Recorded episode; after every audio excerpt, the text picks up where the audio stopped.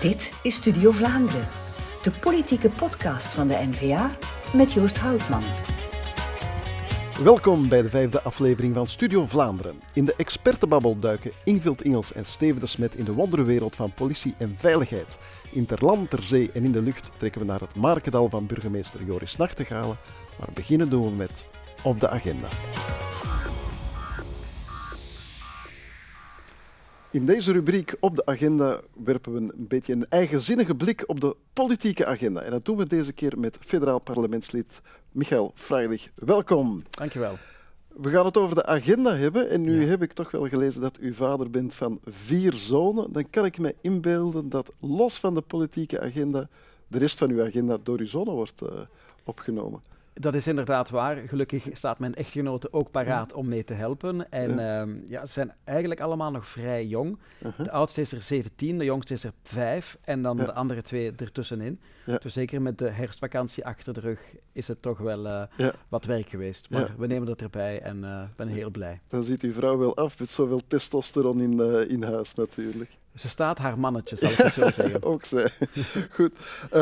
meneer Freilich, toen u in aanloop van de verkiezingen van 2019 aankondigde dat u naar de politiek zou overstappen, dan verwees u naar uw grootvader Louis Davids als uw inspiratiebron. Kan u daar nog eens iets over Ja, mijn grootvader is uh, jarenlang hoofdredacteur geweest mm. van het uh, van Belgisch-Israëlitisch Weekblad. Dat is ja. een heel lang woord natuurlijk, maar dat staat eigenlijk, dat was de voorloper van Joods Actueel. Ja. En hij heeft zich altijd ingezet uh, voor mm. een goede kennis van de Nederlandse taal binnen de Joodse gemeenschap. Ja. En hij heeft daar jarenlang op gehamerd. Vandaag Mhm. is dat uiteraard een evidentie. Maar hij is daar al mee begonnen in de jaren 50, toen Ja. er heel veel Frans gesproken werd, ook nog in Antwerpen op school. Ja. En hij heeft altijd gezegd van nee, dit is Vlaanderen, dus de Joodse gemeenschap moet perfect Nederlandstalig kunnen zijn. En hij heeft dan ook een krant opgericht ehm, voor het Joodse publiek. En hij heeft ook altijd de banden aangehaald met de Vlaamse beweging. En Ja. ik ben hem nadien in die voetsporen gevolgd. Ja, mooi. Ehm, het woord veelal Israël. Nu, u hebt daar ook gestudeerd. Ehm, ik denk dan dat u de verkiezingen in Israël iets nauwgezetter volgt dan, dan dat ik dat zou doen, of, of zie ik dat verkeerd? Wel, het woord Israël heeft een referentie op de staat, maar Ja. het woord Israëlitisch heeft Ja. dan weer referentie op de godsdienst. Ja. En dat is waar veel mensen een fout maken, want het Mhm. is dus de Israëlitische godsdienst, wat betekent de Joodse godsdienst. Maar voor alle duidelijkheid, en dat is een fout die heel veel mensen maken, men denkt dat de Belgische Joden de Israëlische nationaliteit zouden hebben, Ja. maar niets is minder waar. Ja. Want je hebt een heel groot verschil natuurlijk tussen enerzijds uw nationaliteit, paspoort, en Mhm. voor ons is dat dus Vlaming. Ja. En anderzijds uw geloof. En net zoals er katholieken zijn of protestanten, eh, heb je ook Joden. En de Joodse gemeenschap in België is trouwens al ouder dan ons land zelf. En heeft dus op zich ehm, een, een emotionele band met. Israël, een andere Joodse staat. Maar stemmen doet de Joodse gemeenschap van België hier. Belastingen betalen doen we hier. En als er ooit legerplicht zou zijn, of als Ja. er het in het verleden was, dan gingen de Belgische Joden naar het Belgische leger en niet Ja. naar het Israëlische leger. Dus meer dan een emotionele band is er eh, niet. Dat is wel Ah belangrijk om Oké, dat te dat is vermelden. wel, wel, wel, wel goed dat u dat zo eens eh, uitlegt. Ehm, als we het eh, over de politieke agenda gaan hebben, wel, u hebt daar eigenlijk wel zelf uw stempel op, op gedrukt eh, de afgelopen dagen met het onderzoek naar Bpost. Ehm, dat onderzoek heeft wel wat gevolgen gehad, want de CEO van Bpost heeft zelfs een, eh, ah ja, een stapje op, op, opzij moeten zetten. Ehm laten we beginnen bij het begin. Eigenlijk draait alles om de, ehm, de, de 170 miljoen euro, als ik... eh, 175, 170, dat schommelt. ja, die dus Ja. Bpost jaarlijks krijgt om aan krantenbedeling eh, te doen. Ja. Nu eh, vraag ik me af, ja, waarom krijgt Bpost zoveel geld om dat te doen? Is dat wel het, het best mogelijke eh, systeem dat er Ja, bestaat? dus dat systeem bestaat al jaren. En de reden die men aanhaalt is dat men de pluriformiteit van de pers, dat is een lang woord, ehm, niet in het gedrang wil brengen. Dus de pluriformiteit betekent dat je er als overheid voor zorgt dat er genoeg vrije pers bestaat. verschillende Omdat dat visies. verschillende visies, dat iedereen zijn mening kan geven. En men stelt dat als die subsidie er niet zou zijn, want dat is het, uiteindelijk is het een subsidie waarbij dat de kost van een abonnement mee door de overheid wordt gesubsidieerd, zodat die eh, bedeling van de kranten niet te veel kost. Ehm, dus dat is eh, de reden dat men daarvoor opgeeft. Maar Zodanig dat iedereen in staat is om zijn, zijn krant om zijn krant te, te kopen. Vandaag weet je, een abonnement kost ongeveer een, een jaarabonnement op een krant rond de 300 euro. Ja. Zonder die subsidie zou dat misschien 400 euro zijn en dan zouden velen afhaken. Ja. Het probleem natuurlijk is dat ehm, het systeem vrij complex in elkaar zit. En dat als de ware reden zou zijn dat men de persbedeling wil helpen, dat men dan ook bijvoorbeeld de digitale media zou ondersteunen, hè, mm maar evenzeer de dagbladhandel ondersteunen. Dat gebeurt bij ons niet en toch zijn, maken zij ook deel uit van het landschap die kranten aan de man brengt. En in Frankrijk bijvoorbeeld is dat mhm. wel het geval. Daar krijgt ook een dagbladhandelaar een kleine subsidie voor elke krant die hij verkoopt om net die prijs te kunnen drukken. En het probleem hier is natuurlijk dat je daarmee een, een, een heel pervers systeem gaat opzetten door um, heel, heel dat subsidiemechanisme. We hebben het over 175 miljoen euro, ja. maar dus dat is 11 miljoen Belgen die er elk jaar voor betalen, maar het gaat slechts om 400.000 bedelingen die je daarmee uh, betaalt. Want in de grote steden zijn het privéspelers die dat doen. En het probleem met dat contract is al veel langer dat je daarmee ook een oneigenlijk speelveld creëert voor Bipos, die dat eigenlijk als, als kaskoe gebruikt. Ja. En dat contract is ook volledig op, uh, op maat geschreven van Bipos. Dus geen enkele andere uh, firma zou die, dat contract kunnen binnenhalen. Dus één zaak is duidelijk, het is de PS en, en hmm. die de vakbonden van Bipost uh, te vriend wil houden. En daarom die subsidie jaarlijks blijft geven, terwijl dat op een legislatuur toch om 800 miljoen euro gaat. En het is natuurlijk ook heel vervuilend. Dus ik heb altijd gezegd, dit is een regering die zegt wij zijn de groenste regering ooit. Wel, je moet beseffen dat je honderden miljoenen euro's pompt in wat eigenlijk een verouderde en vervuilende ja, een verouderd uh, medium, is. Het, een verouderd papier, medium, papier drukken, dus honderden, duizenden tonnen. Uh, je hebt uh, inkt, dat is ook niet zo'n milieuvriendelijk product. En nadien de bedeling deur aan deur gaat subsidiëren. Ja. En dan denk ik, ja, als je echt zegt, wij zijn een groene regering, dan ga je de digitale media meer stimuleren. Dan ga je ouderen vragen van leer om met een tablet om te gaan, bijvoorbeeld. Ja. Dus heel het systeem zit eigenlijk een beetje eigenaardig in elkaar. Je kan je ook afvragen, is dat nog 2022, hè, uh, dit systeem? Maar u bent daar nog meer ingedoken en je hebt wel nog wat meer ontdekt zelf. Ja, ik heb verschillende zaken ontdekt. Ten eerste, de hm. kostprijs die Bipost aanrekent voor hm. de bedeling van een krant ligt bij ons drie keer hoger dan in het buitenland. En hoe zou dat komen? Hè? Want bij ons vraagt, de, vraagt Bipost zo'n 80 cent, waarvan een deel door de overheid betaald wordt en een deel door de krantenuitgevers. Maar in Nederland is dat de helft of minder. Dus, dus hoe kan dat? Dus, en, en dan ben ik gaan Het is niet dat wij zo anders geconstrueerd zijn van nee, als land. Integendeel, ik bedoel, wij zijn veel dicht bevolkter, mhm. dus dat zou betekenen dat de prijs hier per bedeling naar omlaag moet. Maar ik ben inderdaad gaan graven om te zien van um, hoe komt dat, wie houdt daar controle op. Mhm. En het is tijdens een van die gesprekken dat mij ter oren is gekomen dat er mogelijk iets grondig fout zit. En het zou gaan om collusie. Collusie is een moeilijk woord, maar betekent eigenlijk samenzwering. Uh-huh. Waarbij de top van Bipost samen met de krantenuitgevers een plan hadden bedisseld om kostprijs voor de overheid en voor de subsidie zo hoog mogelijk te krijgen.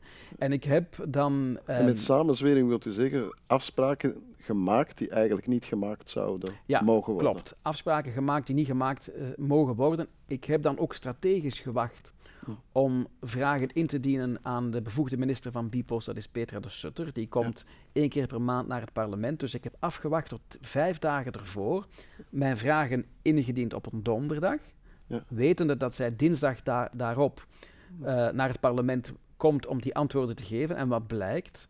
De avond voordien, luttele uren voordat zij naar de Kamer kwam, op maandagavond laat heeft Bipost een communiqué de wereld ingestuurd met de mededeling dat de grote baas, CEO Dirk Tiré, een Mhm. bedrijf met meer dan 36.000 werknemers, plots een stap opzij. opzij zet. Dus Ja.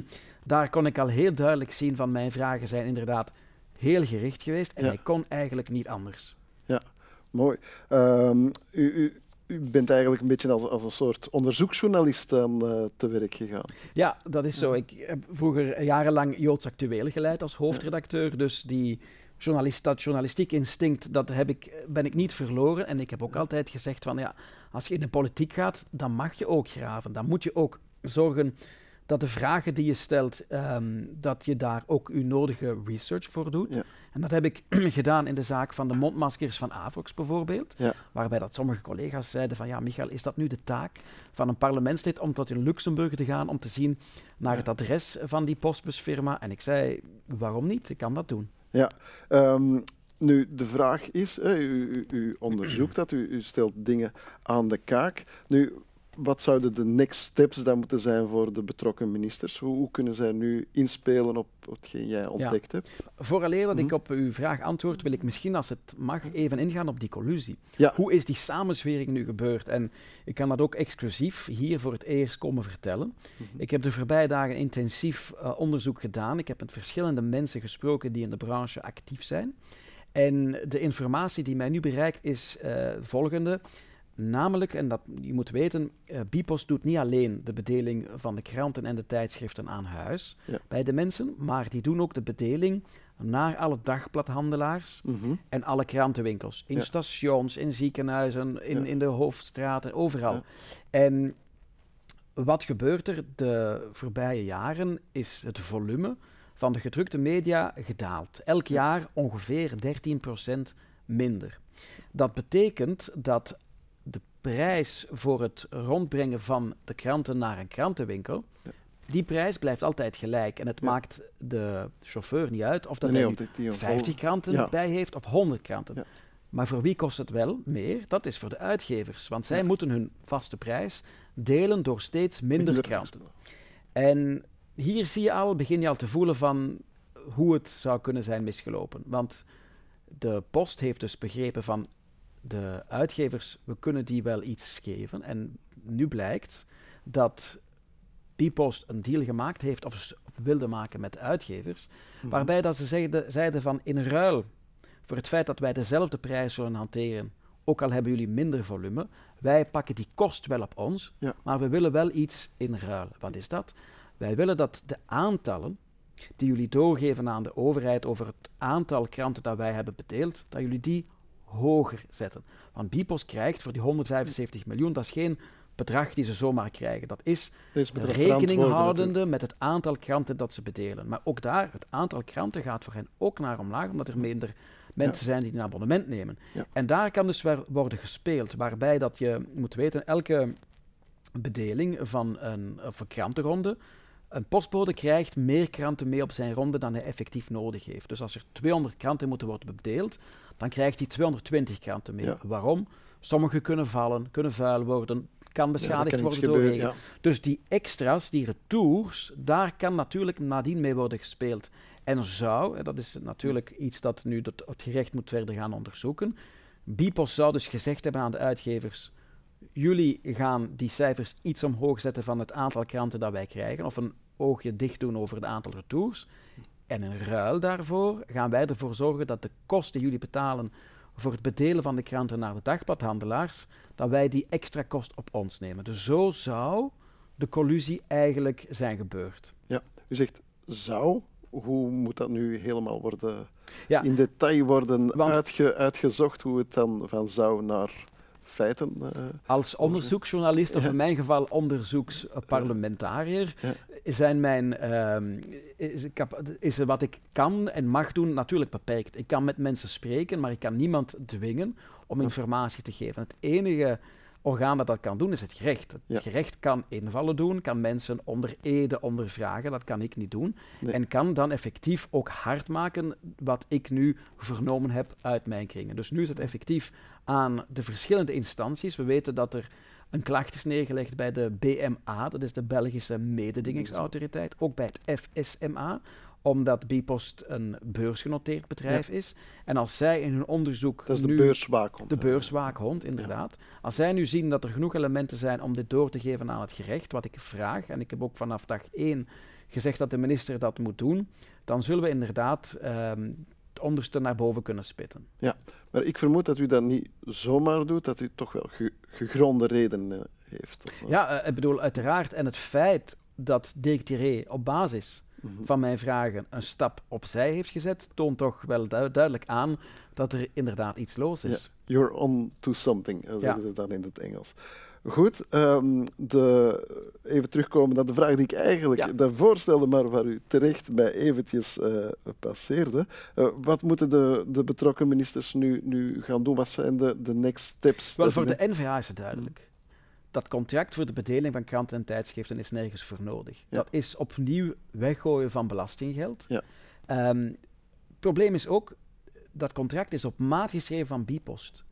Eigenlijk is dat oneerlijk. Geen enkel ander bedrijf, ik heb er verschillende gesproken, die aan de bedeling doen van mhm. pakjes, of die bijvoorbeeld dergelijke kranten bedelen in het buitenland. Ik heb hen gevraagd... Die sowieso toch uh, aan huis komen. Ja, zij zitten mee in, in, dat, zouden systeem. kunnen doen. En zij zeggen mij allemaal, meneer Veilig, dat contract, of die, die concessie, zoals dat heet, is geschreven op maat van één bedrijf. Wij kunnen niet meedoen, ook al, ook al zouden wij dat willen. Waarom? Ten eerste, het bedrijf moet bijvoorbeeld 50, minstens 50 miljoen omzet gedraaid hebben de voorbije jaren. Wat betekent dat? Dat betekent dat als je een nieuwe vennootschap wil oprichten om dit te gaan doen, dan mag dat niet. Mag je al niet meedoen. Als je een bestaande vennootschap hebt, dan moet het werken met vast personeel in dienst. Dus dat betekent, heel veel van die pakjesbedrijven, die werken met onderaannemers. Komen zij ook niet in, in aanmerking daarvoor. En tot slot, wat zegt de overheid? Heel slim.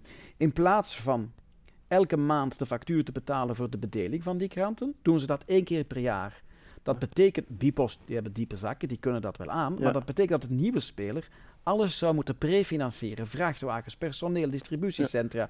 Dat maakt dat er maar één speler effectief kan meenemen, maar kan meedelen. En wie is dat? Ja. Bipost. En het probleem is, ik vind dat de overheid dus zelf schuldig is aan wat we nu meemaken, want ze creëren het speelveld waarbij Bipost zegt van we gaan hier vals spelen. Omdat wij het contract sowieso binnen hebben, laten we dan proberen om die prijs zo hoog mogelijk te krijgen. En dat is ook wat er effectief gebeurd is. Dus dat contract mhm. moet sowieso voor ons, uh, daar moet een halt aankomen. Dat is eigenlijk niet voor nodig. Als mhm. men mij zegt, ja, maar er zijn een aantal plekken in dit land waar dat er heel weinig mensen wonen en daar is het economisch niet haalbaar om een krant te bedelen, dan zou ik zeggen van zouden we kunnen gaan kijken. Het kan daar heel uh, specifiek ja, in die specifieke gevallen voorkomen. Maar dan spreken we over 17 miljoen per jaar bijvoorbeeld, in plaats van 170 miljoen per jaar. Maar natuurlijk, de PS en de vakbonden zijn tegen. En dan is het weer zo dat de Vlaming opnieuw de volle pot gaat betalen. Oké. U hebt al een heel drukke onderzoeksjournalistiek-achtige agenda achter de rug. En ik vermoed dat de volgende dagen dat u verder gaat uh, graven en uh, zoeken. Uh, ik wens u alvast heel veel succes en dank voor dit gesprek. En voor ons op de agenda een tripje naar het Markendal van burgemeester Joris Nachtegaal in de rubriek Ter land, ter zee en in de lucht.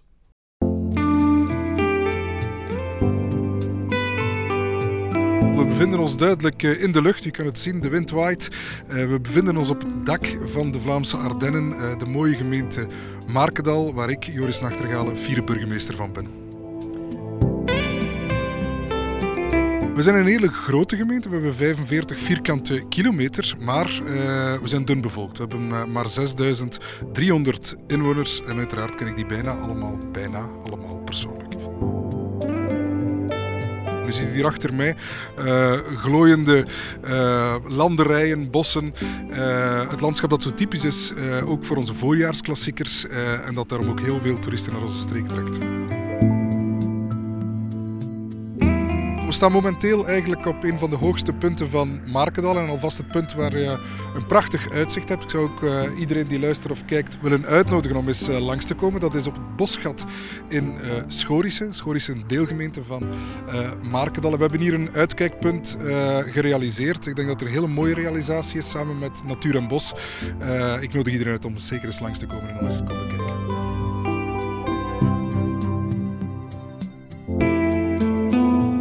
Je hoort hoe hard de wind hier waait en dat komt doordat we eigenlijk op een uh, platform staan dat een beetje hoger uh, ligt dan het terrein waarop het uh, gebouwd is. En het geeft een prachtig zicht over, over de hele streek. Van hier kunnen we eigenlijk tot de volgende deelgemeente kijken, Nukerke. Het is een fantastisch zicht en ik nodig iedereen uit om hier eens langs te komen. Rond uh, Drie Koningen hebben we de Zotte Maandag-traditie. En op uh, die avond, wel, dan kan je eigenlijk in elk huis, en het is eigenlijk avond en nacht, kan je in elk huis waar er licht brandt, mag je binnengaan. Maar je gaat niet zomaar binnen, je gaat verkleed binnen. Je gaat verkleed binnen en de mensen geven jou iets om te drinken en om te eten. En raden wie er achter het masker zit. En in sommige huizen komen er die nacht, en dat begint om 7, 8 uur s'avonds, maar dat duurt tot 5 uur s morgens, op een gewone werkdag, uh, komen er meer dan 200 mensen binnen die allemaal drank krijgen. Uh, en met die traditie horen een aantal heel specifieke uh, gewoontes. Uh, dus, dus we eten bepaalde koekjes, kajorkes, we drinken bepaalde zaken. Het is echt fantastisch iets dat dan nog bestaat, dat er zoveel vertrouwen is dat mensen wildvreemden die verkleed zijn binnenlaten drie, vier uur s'nachts in het huis. dat dat nog kan, vind ik fantastisch. De kindjes mogen dan tot 12 uur opblijven, die kruipen dan in bed. Ik ken die traditie nog van als ik zelf klein was. Dat was elk jaar daar naar uitkijken. En vanaf 15, 16 jaar uh, nemen die zelf deel en gaan die zelf ook de baan op. Uh, en zetten die traditie verder dan bij hun kinderen. Generatie op generatie blijft dat verder leven. En dat dateert eigenlijk vanuit de middeleeuwen kunst bestaat er ook in om u zo te verkleden dat uh, uh, men het moeilijk heeft om te raden wie er uh, onder de kleren en het masker verstopt zit. de kunst bestaat er ook in om eigenlijk altijd met andere mensen de baan op te gaan. Want mensen houden echt lijstjes bij van als we één iemand raden, dan weet je, ja, die zit daar dan waarschijnlijk ook bij. Ehm, ja, ik ben in van alles al verkleed geweest. In een dikke prinses, in een voetballer, in alles, alles wat je maar kan bedenken.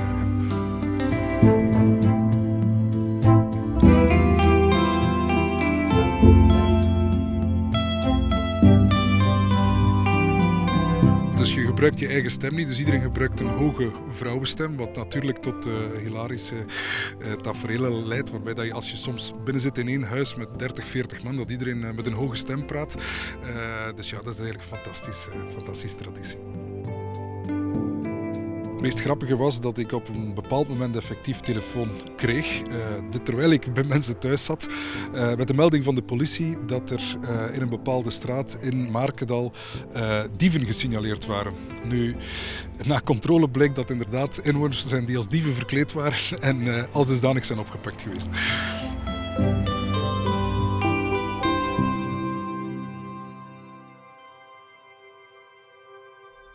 Tijd voor de expertenbabbel. En onze expert van dienst is Steven de Smet, alias de Flik. Want zo heet zijn uh, Twitternaam, of zo is zijn Twitternaam. Een vrij wijs man ook, want Steven de Smet was tot voor zijn recente pensionering hoofdcommissaris bij de Gentse Flikken. Samen met federaal parlementslid Ingvild Ingels duik ik in zijn boek met de iets wat eigenaardige titel Quantum Veilig. Steven de Smet, Ingvild Ingels, welkom. Mevrouw Ingels, er is een connectie tussen jullie beiden. Er is een Gentse connectie. U studeerde in Gent. Ja, ik heb in Gent gestudeerd. Ik heb daar sociologie gestudeerd, maar ik ben daar ook tien jaar blijven hangen. Dus ik ben ook wel een beetje verknocht aan Gent. Zoals, ja, zoals veel West-Vlamingen natuurlijk. Uh, u, u, kwam na uw studies uh, terecht in de politiek. U, u legde zich daartoe op crisismanagement en veiligheid en alle mogelijke tools die daarbij komen kijken. Hoe van waar die interesse van sociologie naar, naar, naar, die onderwerpen? Mijn overstap naar de politiek is eigenlijk heel recent. Ik heb eerst twintig jaar um, gewerkt op het crisiscentrum. Mhm. um, en ik deed daar vooral noodplanning en veiligheid. Dus daar had ik al heel, heel, heel vaak te maken met politie of politionele uh, items. Zoals uh, terrorisme, maar ook nucleaire noodplanning, overstromingen, dat soort zaken deed ik daar. En, en, en ook de meer technische kant, de, de tools, wat, wat interesseert u daar? Uh? Ja, dus het, het leuke aan noodplanning en crisisbeheer mhm. is dat je moet samenwerken. Dus je hebt vijf disciplines, waarvan politie er één is, maar je hebt ook brandweer, medisch, uh, communicatie, logistiek. En dus moet je eigenlijk al die partners aan tafel krijgen en u de vraag stellen, wat als? Eigenlijk vertrekken we van de wat als-doctrine. Uh, stel dat er een grote ontploffing gebeurt, of er is een grote overstroming, of een terroristische aanval, of een nucleaire bom, wat doen we? Ja. En dan moeten we gaan kijken, oké, wie heeft welke expertise, wat zijn uw bevoegdheden, hoe gaan we samenwerken? En we gaan dat voorbereiden in plannen, we gaan dat oefenen en hopelijk moeten we het nooit gebruiken, maar als we het moeten gebruiken, dan zijn we op elkaar ingespeeld. Ja, En een van die actoren is dan de, de politie. Komen we bij jou uit, Steven. Uh, mag ik jou een politieman noemen die altijd PR hoog in uh, het vaandel heeft gedragen? Goed, uh, ja, dat komt door Flik natuurlijk, door die reeks die we ooit ja, kunnen lanceren met, hebben. met Gentse Flikken te maken, met de, met de Flikken-serie? Oh, um, om het kort te zeggen, wij kwamen uit een zeer diepe periode met de politie Gent. Uh, Chris mm. de uh, Stoop, een journalist van de KNAK, ja. had een boekje geschreven, Ze zijn zo lief meneer. Het ging over internationale vrouwenhandel. Daar waren mensen uit ons korps bij betrokken. We hebben een parlementaire onderzoekscommissie dan gehad. Het personeel weigerde nog buiten te gaan, dus zo diep zat de crisis. Ja, ja. En dan krijg je een telefoontje en, uh, van Steven, dit kan toch niet meer, we moeten dat korps heropbouwen, wil je mm. meehelpen? Mm -hmm. Ik kan u nu de naam zeggen, de telefoon kwam van toenmalig professor Brijsdruiven, Weilen Brijsdruiver. Ja, Natuurlijk wil je meewerken, hè. je mm. bent jong officier, je krijgt een wortel voor je neus, dat is goed voor je loopbaan. En waarom? Ik kreeg de opdracht, en dat dat duidelijk is, ik niet alleen. We waren met een groep mensen die dat mochten doen. Mhm. Maar gelet op mijn ervaring in het hooliganisme en de contacten met de pers, kreeg ik eigenlijk de opdracht, Steven, wil jij het korps terugverkopen aan de bevolking? Ja. Dat was mijn opdracht. En dan heb ik zo de eerste fietsbrigade kunnen lanceren in Gent en eigenlijk in, in uh, West-Europa. Maar het idee was natuurlijk 20 januari 98 gingen gaan eten met Erwin Provoost, die een nieuwe serie wou maken over tracks, spoorwegpolitie. En na drie uur praten, overal uh, vertaal me ik aan het woord, zei hij, maar dat ik je bezig hoor, zegt hij, zou ik beter een serie maken over de politieagent? Ik zei, je hebt het begrepen.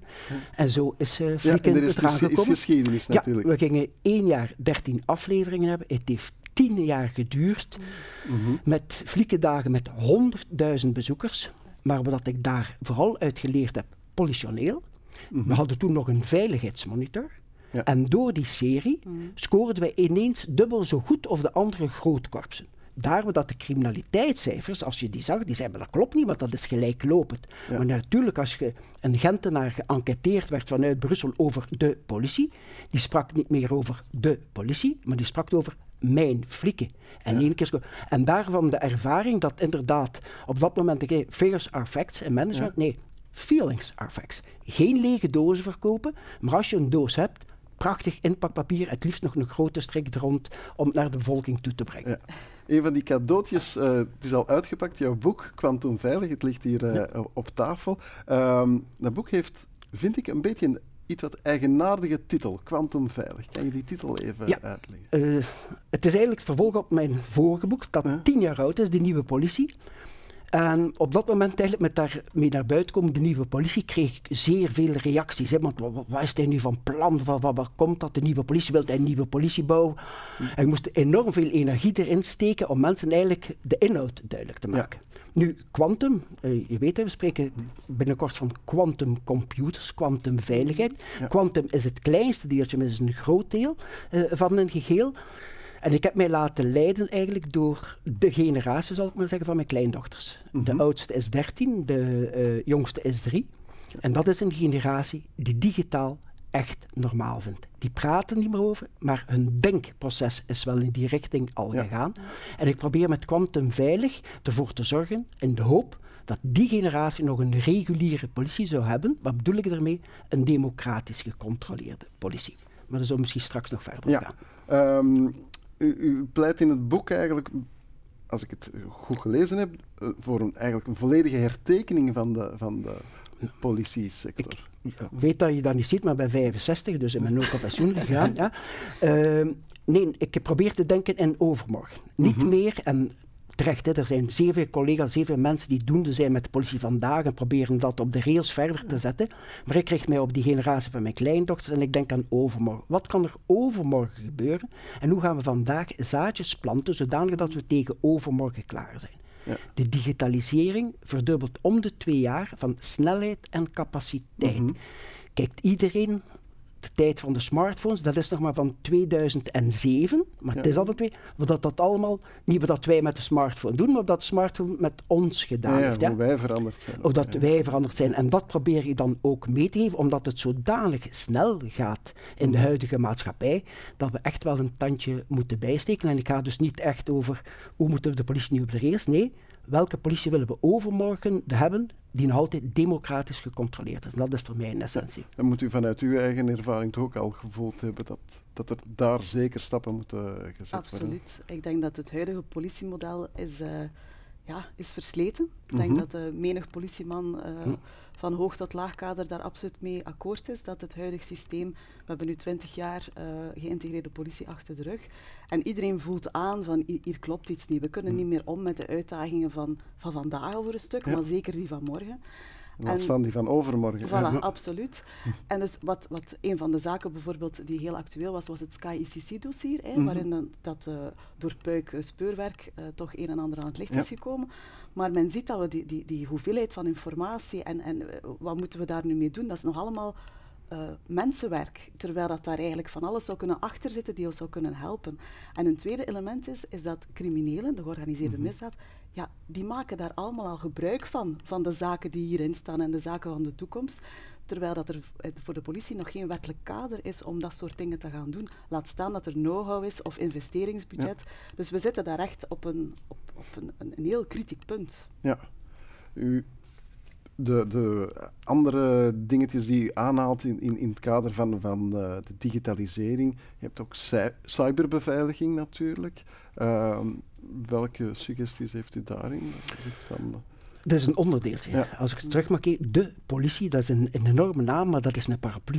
ja. Daar zitten tientallen jobs onder. En het is dat dat ik wel nu wil duiden. Door die snelle evolutie kunnen we dat niet houden. Mhm. Eh, onze hersenen kunnen dat niet aan. Als jong officier, als ik op dienst was, en men kwam bij mij met een verkrachting, een moord, een verkeersongeval, een vechtpartij, met gelijk wat, ik gaf mijn directieven en ze voerden dan nog uit ook, omdat iedereen aanvaarde in die tijd Ja. dat ik de, de know-how had, ik had het juiste uniform aan, ik was de baas. Maar nu komt het dat zelfs jonge politiemensen, die dat traject zelf die moeten aflopen, die bijvoorbeeld dan, dan 13, 14 jaar, lang voordat ze in dienst getreden, gepassioneerd zijn door een bepaald item, nee, nu wapens, verkeer, en die zitten alle dagen op hun computer daar op zoek in doen, die komen binnen bij de politie en dat zijn eigenlijk al experts. Maar die botsen dan natuurlijk tegen die piramidale structuren. Menselijk begrijp ik dat, hè, want Ja. ze, maar die botsen daar tegen, eh, eh, tegenop. En het is dat wat je nu voelt binnen de politie, dat die inderdaad, die, die, die structuren, ik stond erachter, hè, 98 vorige eeuw, zijn geïntroduceerd. Maar in 2007 is de smartphone uitgekomen en we hebben die structuren nooit aangepast. Dat kan Ja, we niet zijn niet mee geëvolueerd. eh, de politie is Ik, niet ik, mee ik zal, geëvolueerd. zal zeggen, het gaat zodanig snel dat je niet meer kan spreken van evolutie, maar dat je moet echt durven spreken van nieuw. Wij moeten het nieuw durven uitdenken. En die paraplu voor mijn en mijn zaken, maar dat is bediscussieerbaar, maar ik kan het maar op tafel werpen, dat moet de paraplu worden van maatschappelijke veiligheid. Ja? Waar dat politie maar een onderdeeltje van maakt, eh, uitmaakt. En ik ben daar een idee van mij, wat zijn dan nog politie? Wij dragen een wapen. Daar moet je een keer durven over denken. Waarom heb je een wapen nodig? En zo wat een van de eh, zaken die ik in mijn voorboek al gezegd heb, is verkeer nog een politietaak. Voor mij niet. Dan Verkeersveiligheid komen is we bij het essentieel. he- heel belangrijke punt. De kerntaken. Ja. Wat denk jij dat de echte kerntaken zijn? En moeten er dingen inderdaad geschrapt worden of anders georganiseerd worden? Of, Ja, dat is een heel grote vraag Dat is een natuurlijk. zeer grote vraag. Eh, maar ik denk dat het een heel belangrijke vraag is. Want Hm. eh, men is nu bezig met proberen te hertekenen, blauwdrukken, klaarleggen. We willen de KUL-norm, hè, de fameuze KUL-norm herzien. Dat is de Hm. financiering van de zones. Men wil van alles bekijken, maar men vergeet eigenlijk de eerste stap. Ja, de essentie. Dat is ja. welke politie willen we en moeten we nog zijn? Ja. Vandaag, morgen, overmorgen. En ja, dat begint natuurlijk van wat zijn onze basistaken. Onze, ik gebruik niet graag niet meer het kerntakendebat, omdat dat woord zo versleten is en Ja. al zo'n negatieve klank heeft gehad.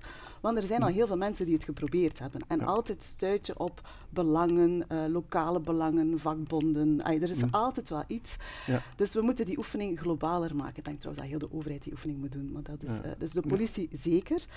Eh, wat er voor mij belangrijk is, is dat die basistaken die er zijn, en die zijn heel mooi omschreven in de wet voor de lokale zones, hè, dat die een soort kwaliteitslabel krijgen. Dus dat voor mij is dat één grote taak voor de politie om te zorgen dat daar een monitoring op komt op de kwaliteit en dat dat overal in het land hetzelfde is. Ik wil dat een burger uit Aarlen op eenzelfde manier behandeld wordt als een burger Ja. in Oostende. En daar twijfel ik nu soms aan, Steven, dat dat nog altijd het geval is. En dan heb je natuurlijk de federale politie. En dat is natuurlijk een... een ehm, ja, die hebben het niet gemakkelijk tegenwoordig. Mhm. Ze krijgen nogal vaak de schuld van iets. eh, hè, als er iets niet klopt, de lokale zegt, we kunnen niet meer rekenen op de federale. De federale is een logge structuur, eh, ze hebben niet meer genoeg volk. Eh, als we iets extra vragen, het komt er niet meer. Ja, die hebben echt een hele belangrijke oefening voor de boeg van waar kunnen wij nu nog een meerwaarde vormen op die lokale politie, die ook moet verstevigd worden en vergroot worden. Hè. Maar dan komen we ook tot de fusie van gemeentes, want ik denk mhm. niet dat je alleen politiezones moet fusioneren. Je moet ook grotere structuren van gemeentes en steden, grotere blokken krijgen. Dus er is een hele puzzel die moet gelegd worden. En dat stoort mij nu een beetje dat met veel goede wil men probeert binnen de huidige structuren verbetering aan te brengen, maar eigenlijk moet dat, moeten we daaruit breken. We moeten uit dat groter denken breken. eigenlijk. Ja, groter denken. Ja, veel groter denken. Ik noem het nieuw denken. Hè. Mhm. dus, uh, want ik, ik, geef altijd het voorbeeld. Het is uh, niet Uber die de taxisector gedisrupteerd heeft. Het is niet Airbnb die de hotelsector disrupteert. Nee, men heeft een platform gecreëerd en wij als burger maken gebruik van dat platform. En zo maken wij dat die oude industriële context dat die volledig vernietigd wordt. Mm wat gaan we doen als er een platform komt in safety en security? En de vraag is niet of dat er komt, de vraag is gewoon wanneer dat het komt. Mhm. En dat wil dan zeggen, degenen die de know-how hebben en de mogelijkheid hebben, die gaan zich richten, vanuit de burger zijnde zelf, richten naar dat platform om hun probleem opgelost te hebben. Mhm. Maar zo gaat de reguliere politie zich ontmarten. En ik heb daar een beetje doemdenken misschien, maar dan krijg je inderdaad de haves, degenen die de mogelijkheid hebben, en de haves not. En dan krijg je dat verschil. En dan kom je zo naar die futuristische werelden van boven- en onderwerelden. En ik denk toch, als we aandacht willen hebben voor onze kinderen of kleinkinderen, dat we daar toch uh, een tandje mogen bijsteken, zodanig dat dat niet zo ver komt. Welke sluit u op dat doemdenken een beetje aan? Of zegt u van nee, ik denk dat er vanuit de politiek wel wat mogelijkheden zijn om, om hier wat aan te sleutelen en te doen? Uh, het zal niet alleen vanuit de politiek mogen hmm. komen. Daar ben ik van overtuigd. Er zijn al heel veel ministers die al van alles geprobeerd hebben met zeer veel goede wil. Um, Jan Jan Bon was daar zeker iemand van die daar zeer receptief voor was. Mm om, om, om daar een, een, soort innovatieve shock te geven aan die minister politie. van Binnenlandse Zaken.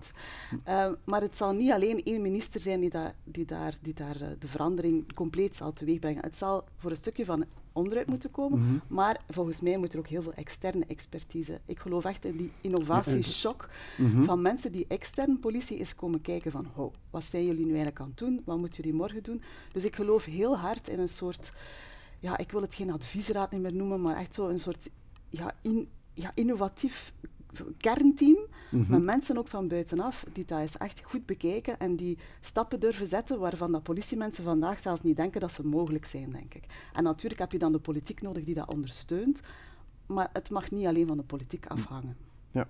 Um, zou dat ook iets kunnen zijn dat er meer volk dan geneigd zou zijn om, om, om bij de politie te komen werken, denk je? Ja, dus ik zal vertrekken vanuit de mm. situatie vandaag. Vandaag is er een, enorm tekort aan speciale, uh, specifieke functies, mensen die mm-hmm. een bepaalde expertise hebben. Ik ga nu terug even naar het KICC-dossier. Ja, mensen die daar uh, financiële expertise hebben, die, die, die dingen weten over bitcoins en zo van die zaken, cryptomunten. Mm Ja, dat is iets wat aan een normale flik, hè, om in de mm. terminologie te blijven, ja. niets, niets van weet of niet in de opleiding zit. Nee, dus je hebt, zou zelfs verdacht zijn, moest ja, er veel van weten je misschien. Hebt, je hebt mensen nodig met bepaalde expertise en die, ja, die geraken maar niet binnen bij de politie. Dat heeft enerzijds met statuut te maken, met, met uh, aanwervingsvoorwaarden. Dus ook dat moet veel flexibeler. We zitten nog altijd uit dat karkon en zoals ik daarnet zei, we moeten eruit. We, het ja, moet, nog te veel hokjes denken, klassiek hokjes denken. Net centrisch worden en niet gewoon politie en dan... Mm. We moeten echt naar een platform gaan. Ja. Uh, federaal minister van Binnenlandse Zaken Annelies Verlinde, die heeft al heel grote hervormingen aangekondigd met haar Staten-Generaal. Ja, waar staan we daarmee? Want dat, of was dat aankondigingspolitiek? Nee, ik weet dat uh, volgend jaar in maart komt daar een tekst van uit. Dat zal nog zeker een zeer beklijvende en zeer mooie tekst worden, maar wat zijn teksten als het niet tot uitvoering komt? En dat is een beetje het probleem, want ik wil er net op ingaan. Ik kan u zeggen dat er ooit uh, sprake was van zo'n beweging en groep mm. onder Jan Jan Bon. Mm. Zijn wij eigenlijk gekomen tot een comité D. En die D stond voor disruptie. Ja? Dus echt nieuw gaan denken met allemaal mensen van buiten de politie. Ik denk niet dat we in die groep, dat we, ik denk dat we met twee, drie politiemensen maar aanwezig waren. Het was echt een know-how Vanuit de grote industrie, vanuit de echte Verschillende expertises die samen zaten. expertise die kan. Maar goed, ja, uh, dan gaat de minister weg, komt de nieuwe minister en die vindt dat dat is van de vorige en die veegt dat van tafel. Dus moest dat niet gebeurd zijn in 2018, dan durf ik stellen dat wij dat nu hadden. Mijn, mijn kritiek op de Staten-Generaal, met al mijn respect voor mijn collega's die erin zitten, Maar dit is echt de inner circle. Hè. Mhm. Dat zijn allemaal politieofficieren samen en ik vrees dat de eigen belangen, het gaat over de dienstjes en de postjes en niet vanuit de burger bekeken. Het is de burger die zal oordelen, want de burger heeft nu de tools om te sturen. Ja. en als je de burger daar niet bij betrekt en luistert naar de burger, zal er niet komen. Kijk op social media alle dagen, zelfs de reguliere media staat er vol van, van hoe dat social media alles aan het beïnvloeden is. Mhm. Ja? En wij zijn nog niet klaar met social media als politie en artificiële intelligentie, blockchain, robotica en nog zoveel andere dus zaken komen als een tsunami. Eigenlijk, Maar er komen dat tsunami over mhm. ons. Het is niet achtervol, want we hebben daar niks meer aan te doen. En dat is wat ik echt vrees. Het zal prachtige tekst worden, maar dat ten praktijk dat het weinig tot niks zal opbrengen. Ja. ja, ik wil daar zeker iets aan toevoegen. Dat is eigenlijk een beetje, ik wil nu niet cynisch klinken, maar mhm. hè, de politiek is soms een beetje cynisch is dat heel veel ministers hebben al heel goede ideeën gehad. En beginnen daar met de beste wil aan en die omringen zich met mensen. En er zitten veel mensen met goede wil aan tafel. Maar dan worden er plannen uh, bedacht, worden er studies uitbesteed aan universiteiten. En dan komt er een nieuwe minister en die zegt, ja, maar die studie is al vier jaar oud. En hoe zou dat dan vandaag zijn? En er is een andere kijk. En dat is misschien niet helemaal mijn visie. En woef, dat werk gaat voor een stuk in de vuilbak. En men begint opnieuw. En zo ontstaat er een heel cynische cyclus, waarin dat er eigenlijk van alles wordt besteld. Studies, onderzoeken. Ja, de ideeën worden vernieuwd, maar de praktijk... Uh, er gebeurt niks mee. En dus ik zal één concreet voorbeeld geven. Um, en toen dat uh, minister Jan Bon uh, minister van Binnenlandse Zaken werd, 2014, 2015, hadden wij al een heel sterke feeling voor die schaalvergroting. Omdat de uitdagingen van morgen en overmorgen, zelfs al voor een stuk voor vandaag, hè, mm zitten niet in die kleine zones. Je kan dat niet met 60, 70 politiemensen. Dat is gewoon onmogelijk. Dus we moesten naar een schaalvergroting. Mm Dat ligt gevoelig. Dat ligt niet alleen gevoelig bij de politie zelf, het ligt ook gevoelig bij burgemeester die hun eigen politie dicht bij hen willen houden. Men denkt dat dat een tegenstelling is. Dat is het niet, maar dat is een soort menselijke reflex. En dus wordt er een studie besteld met nog... Hè, um, Ruiver. Voilà, Ruiver. Um, en uh, dat wordt in Vlaanderen, in Wallonië, later is er nog een stukje Brussel. Naar, oké, die, die, zones die hier nu al zijn samengaan, hoe is dat gelopen, wat zijn de gevoeligheden, wat is de ideale schaalgrootte, daar wordt een studie gedaan. En dus die studie wordt opgeleverd, 17 eind 17, begin 18. Men denkt, oké, nu kunnen we de volgende stap nemen. Boef, het valt. Mhm. Er is in een zwart gat. En nu is men nog altijd diezelfde oefeningen aan het maken. En er is nog altijd geen beslissing genomen. Ik heb, uh, ik heb het geluk gehad, staat ook in mijn boek. Ik heb het geluk gehad, uh, op het einde van mijn loopbaan was ik kabinetchef van de waarnemend gouverneur in Oost-Vlaanderen. Dus die dergelijke zaken, fusies enzovoort mocht doen. En ik zat bij Bryce Druiver in een back-office voor als hij mhm. met die studie bezig was. En ik kan u dat echt aantonen, zwart op wit kan je nu zeggen, want het staat er ook in, moest Bryce Druiver niet gestorven zijn, maar hij had mhm. wel, de daad en de slagkracht. Dat was een figuur die, die, dat die kon verwezenlijken. Ook dikwijls ruzie gehad met hem dat was een zeer speciaal figuur, maar ik, ik blijf hem eren. Was Gent, Evergem en Zelzaten was dat één politiezone geweest. Mm Kan je zelfs meer zeggen, er was geen van de drie korpschefs die korpschef ging worden. We gingen daar een pilootproject, er ging zelfs een burger zijn die dat doet. Voor Gent was dat enorm. Waarom? We hadden dan Hans het havengebied in één zone. We hadden een internationale grens met Nederland, maar dat gaf opportuniteiten naar Europa toe enzovoort. Ja. Ik kan u hier zeggen dat Brijsdruiven was nog niet begraven. En mhm. het werd geliquideerd. Men dierf het niet terwijl het aan het leven was, maar hij was nog niet begraven en Hans het onderzoek werd werd geliquideerd. Dat is door inderdaad, omdat veel burgemeesters schik hebben dat die fusies van politiezones, alhoewel dat dat voor mij, dat is maar weer de zaken waar we vandaag mee bezig zijn, dat is voor mij allemaal geen tel niet meer. Je moet niet proberen denken ja, dat, dat die burgemeesters schik hebben dat als die fusies ontstaan, dat dat een voorloper is van fusie van een gemeente. En daar heeft me schrik van. Ja, hmm. oké. Ehm, als we nu wat je sprak er straks over overmorgen. Ik ga nog wat verder in de tijd kijken. Ehm, wat zijn nu de, de, echt de allergrootste veiligheidsuitdagingen als je echt op lange termijn, pak nu vijf of tien jaar, kijkt, wat zijn de grote waar dat bij voor staan? En, en, en, wat moeten wij eraan doen? Dat Minder plannen, meer doen? Nee, nee, ja, hm. meer doen. Uh, het zou zeer te ver leiden, maar ik heb dat hm. zelf uitgewerkt in de tijd voor het disruptiecomité. Dat, dan hm. moet je, een goed bedrijf werkt uh, 70, 30 procent. Wat bedoel je mee? Het zijn maar cijfertjes. 70 procent ben je uh, doende met de dagdagse beslommering. 30 procent ben je bezig met volgend jaar personeelsbezetting, budgetten enzovoort. Dat is een goed bedrijf. In de huidige context moet dat 70, 20, 10 worden. Ja? 70 dag dagelijks, 20 volgend jaar en 10% als het maar 5% is, was het ook al schitterend, met The Day After Tomorrow. Ik, ik heb dat geleerd van Peter Ginsen, van wat kan er overmorgen gebeuren en hoe gaan we vandaag daarmee bezig zijn. Ja. Metaverse. Iedereen zit daar weer naar te kijken, lijkt dat we 15 jaar geleden gekeken hebben naar social media. Ja? En dat was allemaal van geen tel. Mag ik toch één voorbeeldje geven? De e-mail. Social media avant la lettre heeft volledig de post doen verdwijnen in ons land. Ja. Omdat we daar geen rekening mee gehouden hebben. We noemen dan nog de post, maar dat is geen overheidsinstelling meer en, enzovoort. Metaverse, artificiële intelligentie, wat gaat dat? Hè? Weten we het? We hebben allemaal gekeken naar America, Americans Got Talent, hè, naar onze Vlaming die er was, die er enorm gescoord heeft. Maar weet je wat dat, dat eigenlijk kan teweegbrengen? Is dat wij overmorgen, dat mijn kleinkinderen, gelet op alles wat ik op, al op social media en op het internet gedaan heb, als ik sterf, kunnen zij mij oproepen, als eh, oproepen en met mij een gesprek aangaan. Ja. Ja, jongens, hoe gaan we daarmee omgaan in de toekomst?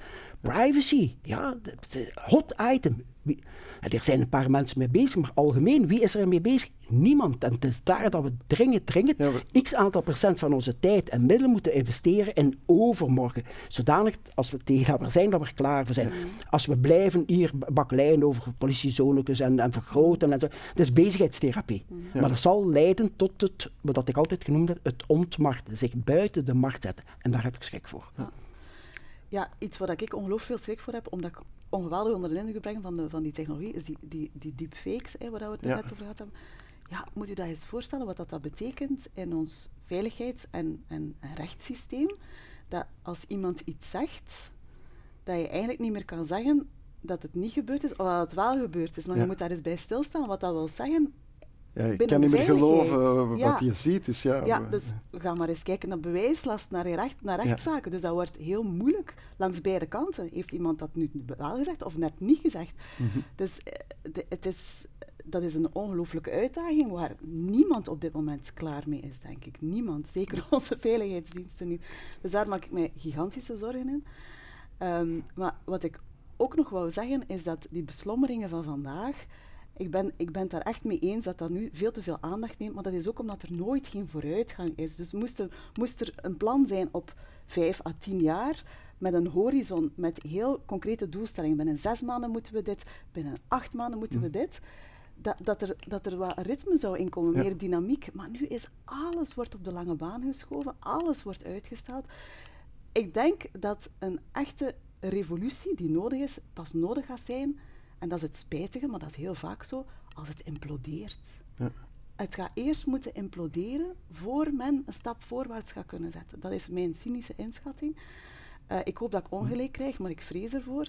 En misschien dat het gebrek aan financiële middelen bij zo'n eerste vonkje zou kunnen geven om, om tot de implosie over te gaan. Want ik- Omdat je dan creatief moet zijn. Er is geen geld. ik ga en, een eh, voorbeeld geven. Allee, dat is gewoon een feit. 90% van de politiebudgetten nu, en zelfs het is al 91 Personeel. ondertussen, gaan naar personeel. Kun je je dat voorstellen? Personeel. Dus dat is een blok van meer dan 90% dat gewoon verdwijnt naar Ja. personeel.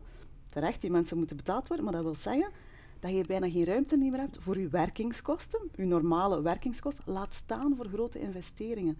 Dus dat is echt een gigantisch probleem. Een gezond bedrijf, dat is 70-30. hè. Dus dat is, Ja. eh, dat is, dat is gewoon echt Maar problematisch. zolang we dat met 184 zones, lokale Voilà, zo- 184, 184 communicatiedienst, 184 absoluut. personeelsdienst, 184 korpsen met secretariaten.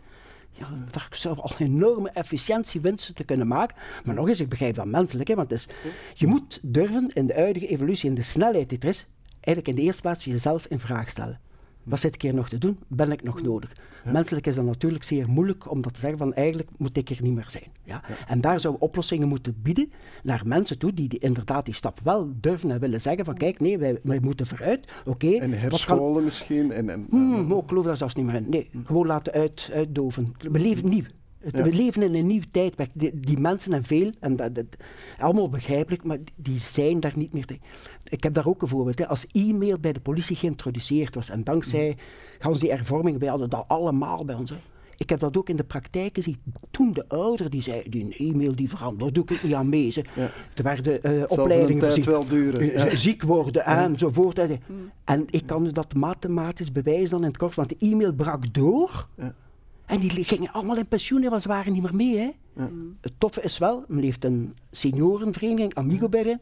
En ze worden allemaal uitgenodigd per e-mail. Ze hebben het achteraf allemaal gelezen. Maar dat gaat nog maar over de e-mail. Ja, ja, ja? Ja, ja, ja. Als je nu de, de, zo, alle social media, de telegrams, allemaal ziet van deze week, hoe dat, dat allemaal wat impact heeft. Je kan Zelensky, al zijn speeches dagdagelijks, eigenlijk met hem gaan communiceren dagdagelijks. Hoe zou dat vroeger kunnen hebben? Dat, Het zijn die vernieuwingen die we echt moeten uiten. Hè? Want het traditionele, met de jaren tachtig, hadden we eigen terrorisme, de CCC. We hadden de bende van Nijvel. We hadden het heizeldrama. Ja. Al die feiten, gelukkig geen social media. Op dat moment kun je je voorstellen dat dat allemaal op zo'n korte tijd plaatsgreep. Ja, hè? En uiteindelijk heeft het geduurd tot 98 voor de politiehervorming. Want alle parlementaire onderzoekscommissies rond die problematiek was de politie moet hervormd worden. Toenmalig nog Rijkswacht en gemeentepolitie. Het heeft tot 98 geduurd. Waarom? Dutroux. Ja. Niet omdat hij kindjes ontvoerde, niet omdat hij kindjes vermoord heeft, maar omdat hij een boswandeling maakt bijna een jaar voor de verkiezingen. En dan kwam Hans het dossier aan. Ik had ook gehoopt en gedacht dat 2016, zijn we dat toch nog niet vergeten, hè, 22 maart, de aanslagen in Zaventem, dat dat, Dat het ook een trigger counter- zou zijn om eh, een fout woordspeling te gebruiken. gewoon door politiek enzovoort. Want ik ben daar.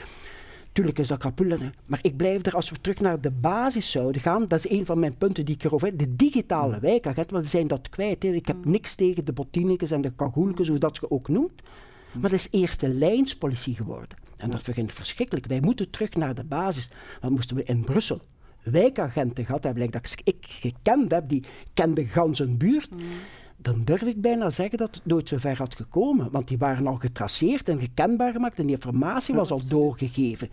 En dat zijn we vergeten door duizend en, en één reden. We hebben die politiehervorming 98, we hadden keihard achter maar hebben die nooit of nooit bijgestuurd.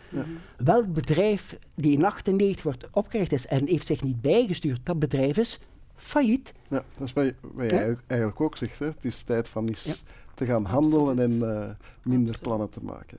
Goed, eh, het voordeel van een expert is dat hij eeuwig kan blijven babbelen. U bent ook een expert natuurlijk. Jullie blijven natuurlijk bezig met het onderwerp. Het nadeel is, ja, we raken nooit uitgepraat op deze eh, manier. Gelukkig is er nog altijd het boek Quantum Veilig, Ja. waarvan we nu de titel goed begrijpen. en jullie aanwezigheid op de social media natuurlijk. Hartelijk dank voor jullie komst, Ingvild Ingels en Steven de Smet. Graag gedaan. Dankjewel. En zo zit ook deze aflevering er weer op. Ik dank mijn gasten Michael Freilich, Steven de Smet, Ingvild Ingels en Joris Nachtegalen. Tot een volgende Studio Vlaanderen.